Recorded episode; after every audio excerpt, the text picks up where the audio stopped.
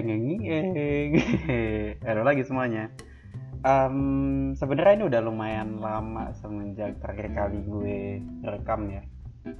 Jadi gue udah lupa sama sekali terakhir kali ngebahas apa. Karena uh, kemarin tuh kan gue apa cuma seminggu sekali. Jadi tuh sempat ada masa-masa gue kayak lagi um, kosong, nganggur gitu. Terus jadi satu minggu bisa rekam dua bisa rekam tiga gitu. Jadi kayak udah udah berapa minggu gue nggak ngerekam terus ini rekam lagi. Tapi nggak apa gue udah lupa yang terakhir kali kita bahas apa. Terus kalau misalnya teman-teman ngikutin dari awal teman-teman dengerin podcast ini sejak yang paling pertama bakal ngerasa kok temanya benar-benar lompat-lompat banget gitu. Kadang-kadang ada yang ngebahas mengenai um, penyakit mental psikopatologi kan yang awal-awal kita ngebahas mengenai trauma terus lompat ke kesehatan terus lompat ke mana? Ada stres gitu-gitu. Ya um, balik lagi sih teman-teman. Gue bikin ini karena um, gue have fun. Dan beneran lebih kayak kalau misalnya minggu ini gue lagi ngerasa ini kayak penting deh dibahas gitu gue bahas. Kalau misalnya ini kayak lagi asik deh buat dibahas lagi seru gitu. Ya bener-bener ngikutin mood aja sih. Kayak kalau misalnya gue lagi pengen kayak gimana gue ngebahasnya bakal itu dan ini sama sekali nggak gue siapin apa pun gitu loh. Gue nggak ada nulis skrip nggak ada apa. Jadi kayak ya spontan benar-benar nulis. Nah teman-teman dari statement gue yang tadi mungkin ada beberapa teman-teman di sini yang pas denger langsung kayak mikir oh ini kalau misalkan di MBTI ini tipe-tipe orang yang bukan J nih. Ini tipe-tipe orang yang P. Eh beneran ya P? Bentar judging lawannya judging apa ya itulah ya. Kok lupa sih lawannya judging kalau misalnya di MBTI ya itulah PP gitu. Orangnya nggak pakai persiapan. Orangnya um, suka untuk improvisasi gitu. Orangnya kayak gini apa segala macam gitu. Teman-teman itu adalah yang kita sebut dengan kepribadian. Dan itu sebenarnya adalah kepribadian yang dipahami oleh orang-orang awam. Karena orang-orang awam sering kali ngelihat kepribadian tuh um, banyak itu yang kayak datang-datang terus nanya eh gue tuh orangnya kayak gimana? Terus psikologi kan coba deh lu baca gue orangnya kayak gimana? Gitu. Seolah-olah kami adalah cenayang yang bisa langsung kayak oh lu adalah orang seperti ini ini ini gitu. Show lu kayak gitu nggak bisa ya. Kita semua bukan cenayang orang tuh sering sering kali ngerasa kalau misalnya orang psikologi itu bisa untuk membaca kepribadian. But actually um, orang psikologi nggak bisa langsung baca mengenai kepribadian. Nggak bisa gitu. Bayanginnya gini deh. Kita kita bayanginnya kayak gini. Bisa dokter. Dokter kan belajar ya. Itu kan dokter kan belajar banyak hal. Misal dokter belajar mengenai uh, apa ya misal dokter belajar mengenai gejala penyakit jantung misal gitu. Belajar mengenai gejala penyakit jantung. Dia ngerti tuh penyakit jantung kayak gimana bla bla bla dia ngerti dengan jelas penyakit jantung tuh seperti apa. Gejala-gejalanya cara mengobatinya. Terus dia ketemu sama satu orang. Ini orangnya habis baca blog mungkin atau habis baca apa gitu dia tangannya sering keringetan. Padahal mungkin emang orangnya kurang apa lagi panas dalam atau apa gitu. Jadi tangannya sering keringetan telapaknya terus dia nanya sama si dokter dok coba dok baca saya ini ada penyakit apa? Gitu.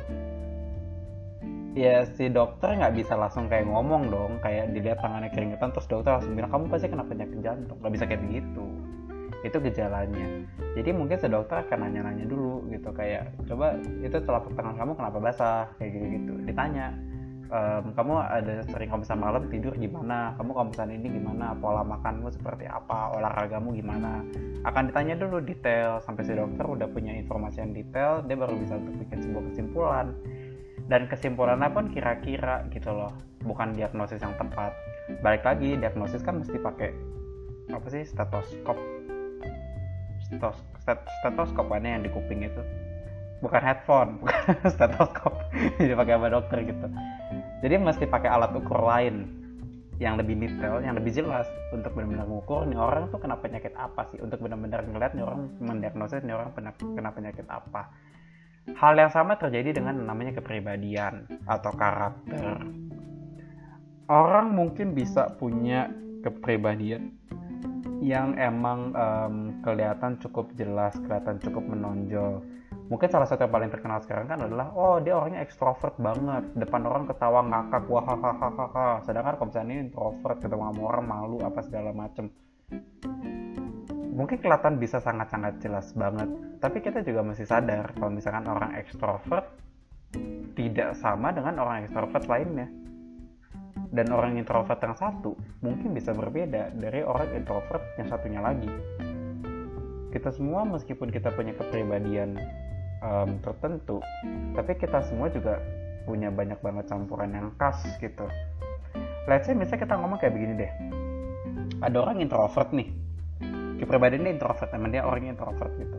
Um, hasil tes kepribadian menunjukkan dia introvert. Jadi sah hasil tes soalnya. Dia introvert. Tapi semenjak kecil dia kebetulan disekolahkan di sebuah sekolah yang um, sering banget tuh ujiannya presentasi dan dia diajarin sama gurunya gitu kayak diajarin kamu kalau mau presentasi kayak begini caranya kalau kamu kalau misalnya ngomong depan umum mesti kayak begini supaya kamu gak terlalu tegang kamu perlu untuk persiapin dulu bla bla bla bla dipersiapin sampai mateng banget nih anak sampai anak tuh jago banget buat presentasi pintar gitu dia dia punya bakat presentasi dia punya bakatnya um, dan akhirnya dia pas udah gede jadi pembicara gitu. Dia ke mana-mana ngomong jadi pembicara presentasi banyak um, nyampein um, nyampe apa biasa kalau misalnya orang udah gede presentasi nyampein apa ya? Bukan materi ya materi lah pokoknya sering nyampein materi ke penonton banyak gitu. Di masa itu penontonnya pas nonton pasti banyak yang mikir kayak ah gue pengen deh jadi orang ekstrovert kayak dia gitu. Bisa ngomong depan umum berani ngomong depan umum. Mulai nangkep gak anehnya di mana? Ini orang tuh bukannya ekstrovert dia introvert. Itu gak kebayang tuh dia habis misal dia habis kasih seminar gitu dia habis ngomong depan umum habis ngomong seminar kebetulan disuruh ngomong tiga setengah jam misal. Itu nggak kebayang pas dia pulang capeknya kayak gimana dia bakal ngerasa energinya terkuras banget gitu karena dia mesti ngomong depan orang banyak terlepas dari dia bakat buat ngomong ya dan mungkin dia suka dengan kerjaannya. Bisa aja dia tuh suka juga dengan pekerjaannya karena dia um, ahli di bidang itu gitu. Tapi kita jadi kalau misalnya kita ngelihat sesuatu terus kita langsung nebak aja langsung nyimpulin aja oh ini orang apa nih orang apa maka bisa jadi kita kasih penontonnya itu yang salah. Karena si penontonnya kan cuma ngukur dari satu hal diukur cuma oh orang ini berani ngomong depan umum selama tiga setengah jam depan orang banyak nyampein materi dan dia lancar nyampeinnya. Pasti ekstrovert. Belum tentu. Nah teman-teman di sini um, satu hal yang kita sering kali keliru adalah um, terlalu cepat nyimpulin. Tapi hal yang lainnya juga yang kadang-kadang kita juga salah adalah kita nyimpulinnya pakai apa. Kita tahu yang paling terkenal sekarang kan MBTI, ENFP, eh, ISTJ itu banyak banget tuh yang ntar nulis di ininya tuh nulis di bio-bio Instagramnya gitu. Yang kayak ENFP gue orang ISTJ gitu gue orang ENTP misalnya kayak gitu. Jadi uh, kesannya kayak itu kayak satu yang dibanggakan lah gitu kalau misalkan kalau misalkan gue orangnya kayak begini. Eh by the way ada loh orang yang nggak senang dengan hasil MBTI-nya gitu. Dia kayak ngeliat tuh hasilnya tuh dia kayak kesel gitu kayak apa sih ini? Gue pengen ganti gitu. Kayak pribadinya mau diganti. Ada orang ada orang yang kesel kayak begitu. Nah cuma buat buat um, kita kita perlu tahu gitu kalau misalkan sebenarnya alat ukur kepribadian ada banyak. Jadi nggak selalu MBTI bahkan dosen gue ada yang bilang kalau misalnya MBTI pun nggak terlalu bagus teman-teman mungkin di sini ada yang pernah ngukur MBTI um, pas SMP ngukur terus pas SMA ngukur lagi pas kuliah ngukur lagi hasilnya semua beda-beda gitu.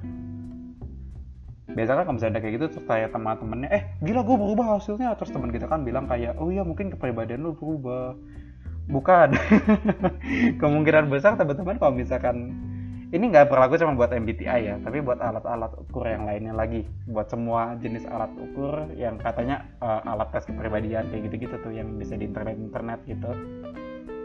Kalau teman-teman ngetes itu dan um, seiring waktu berjalan terhasilnya berubah nanti waktu berjalan hasilnya berubah lagi kemungkinan ada dua. Yang pertama teman-teman dulu nggak kenal sama diri kalian semakin gede makin kenal sama diri sendiri. Akhirnya jawaban yang kalian berikan makin benar. Makin makin sesuai makin makin tepat gitu makin sesuai dengan diri kalian. Itu bagus tuh kalau kayak gitu. Artinya yang dulu kan hasilnya emang salah dari kalian ya gitu. Tapi um, ujungnya kalian jadi lebih kenal diri sendiri dan jadi bisa kasih respon yang lebih tepat. Makanya hasilnya jadi benar. Tapi yang sering kali terjadi adalah alat ukurnya yang jelek jadi alat ukurnya kalau misalnya di psikologi itu sebutannya nggak reliable.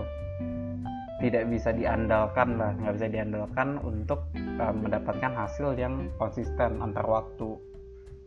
Hari ini gue jawab kayak begini begini begini begini ujung-ujungnya keluar hasilnya A berapa bulan kemudian gue tes lagi hasil keluarnya B. Artinya kan alat ukurnya nggak benar-benar ngukur.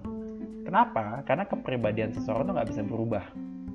Ini um, gue garis bawahi ya teman-teman kepribadian seseorang tuh nggak bisa berubah kepribadian itu adalah kecenderungan seseorang berespon terhadap lingkungannya. Sebetulnya kalau misalnya, kalau misalnya gampangnya gue bilang kayak gitu deh. Um, ada definisi-definisi lain yang jauh lebih baik di internet. Kalian bisa lihat di APA misal di um, asosiasi psikologi gitu-gitu. Tapi kalau misalnya gue ini biar biar kita bahasanya lebih dikebumikan lah supaya kita semua bisa paham gitu ya. Jadi kecenderungan seseorang um, terhadap lingkungan terhadap segala sesuatu. Bayanginnya gini kalau misalnya ada orang introvert yang tadi dia skenario tadi uh, presentasi depan ribuan orang tiga setengah jam. Orang introvert maju ke depan sana dengan orang extrovert maju ke depan sana pasti perilakunya um, pikirannya emosi yang dirasakan energi yang dirasakan pasti berbeda nah semua itu ada pengaruhnya sama kepribadian kita. Kepribadian kita pasti mempengaruhi hal tersebut. Orang yang introvert pasti pas maju ke sana habis ngobrol panjang lebar panjang lebar turun-turun berasa capek banget karena energi dia terkuras. Orang introvert kan akan mendapatkan energi lebih banyak kalau misalkan dia lagi merasakan ketenangan. Itu hubungannya tuh ada sama otak gitu loh kayak hormon apa gitu. Gue nggak mendalami sampai ke sananya ya cuma gue kayak pernah denger gitu kayak alasannya kenapa kok introvert sama extrovert lebih uh, beda gitu um, karena alasannya karena ada ada hormon-hormon otak pengaruhnya ke sana Nah sedangkan orang ekstrovert habis ngobrol sama ribuan orang kayak begitu dia turun panggung, oh dia makin berapi-api tuh kayak makin semangat energinya, wah penuh gitu malah malah ke review. Rasanya malah jadi pengen um, di interview lagi gitu. Makanya uh, kayak kalau misalnya ada yang mau nanya apa lagi silahkan tanya gitu. malah malah jadi semangat ketemu sama banyak orang lagi. Beda responnya terhadap lingkungannya beda. Kecenderungan dia ngelakuin apanya beda gitu.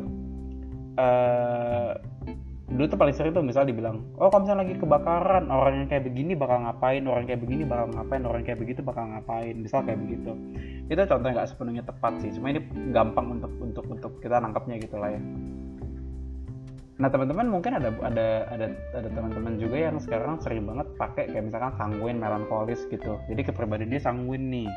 Orangnya pasti happy. Oh dia melankolis nih. Orangnya pasti murung sedih. Kayak sedih banget gak sih? Yang sanguin yang yang kolerik tuh biasa dianggapnya ini bos nih gitu. Sedangkan kalau misalnya melankolis tuh dianggapnya ya udah yang kayak sinetron sinetron gitu. Yang kayak kerjanya tiduran di rumah nangis gitu diputusin pacarnya nulis surat kirim-kirim surat kasih mawar gitu gitu jadi kayak kayak bertolak belakang banget. Nah teman-teman baik banget tuh orang kayak ngeliatnya dari sana. Misal um, gue pernah denger juga kalau misalkan tes yang mengenai sanguin gitu-gitu juga nggak terlalu bagus. Alasannya simple. Karena dia ngebagi orang ke dalam empat kotak. Sanguin melankolis flegmatik atau pragmatik ya gue lupa. Itu dan um, eh sanguin melankolis pragmatik kolerik ya itu.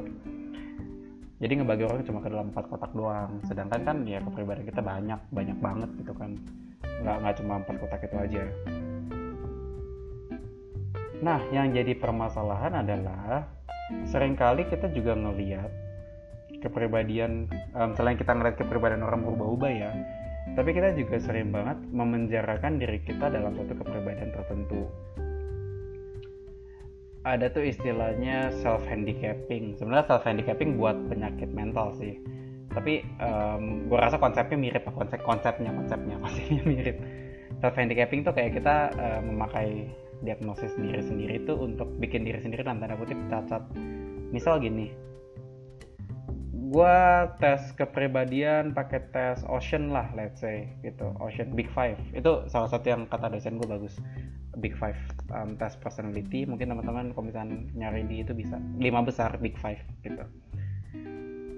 Jadi misal gue tes itu terus hasilnya gue adalah orang yang uh, neuroticismnya rendah. Jadi dalam artian gue orangnya tuh nggak gampang kepancing emosi gitu. Gue gak gampang panik. Gue kayak orangnya lebih yang tenang santuy gitu. Neuroticism gue rendah nah kita sering kadang-kadang kita ketemu orang yang um, pakai itu untuk jadi penjara buat dia jadi label buat dia bikin diri sendiri dalam tanda kutip cacat. Misalnya dia dibilang gitu kayak eh gue ada project nih. Um, gue butuh ada yang bantuin. Projectnya apa kayak projectnya nih lumayan banyak kegiatan nih dan kegiatannya detail banget gitu. Lu bisa nggak bantuin?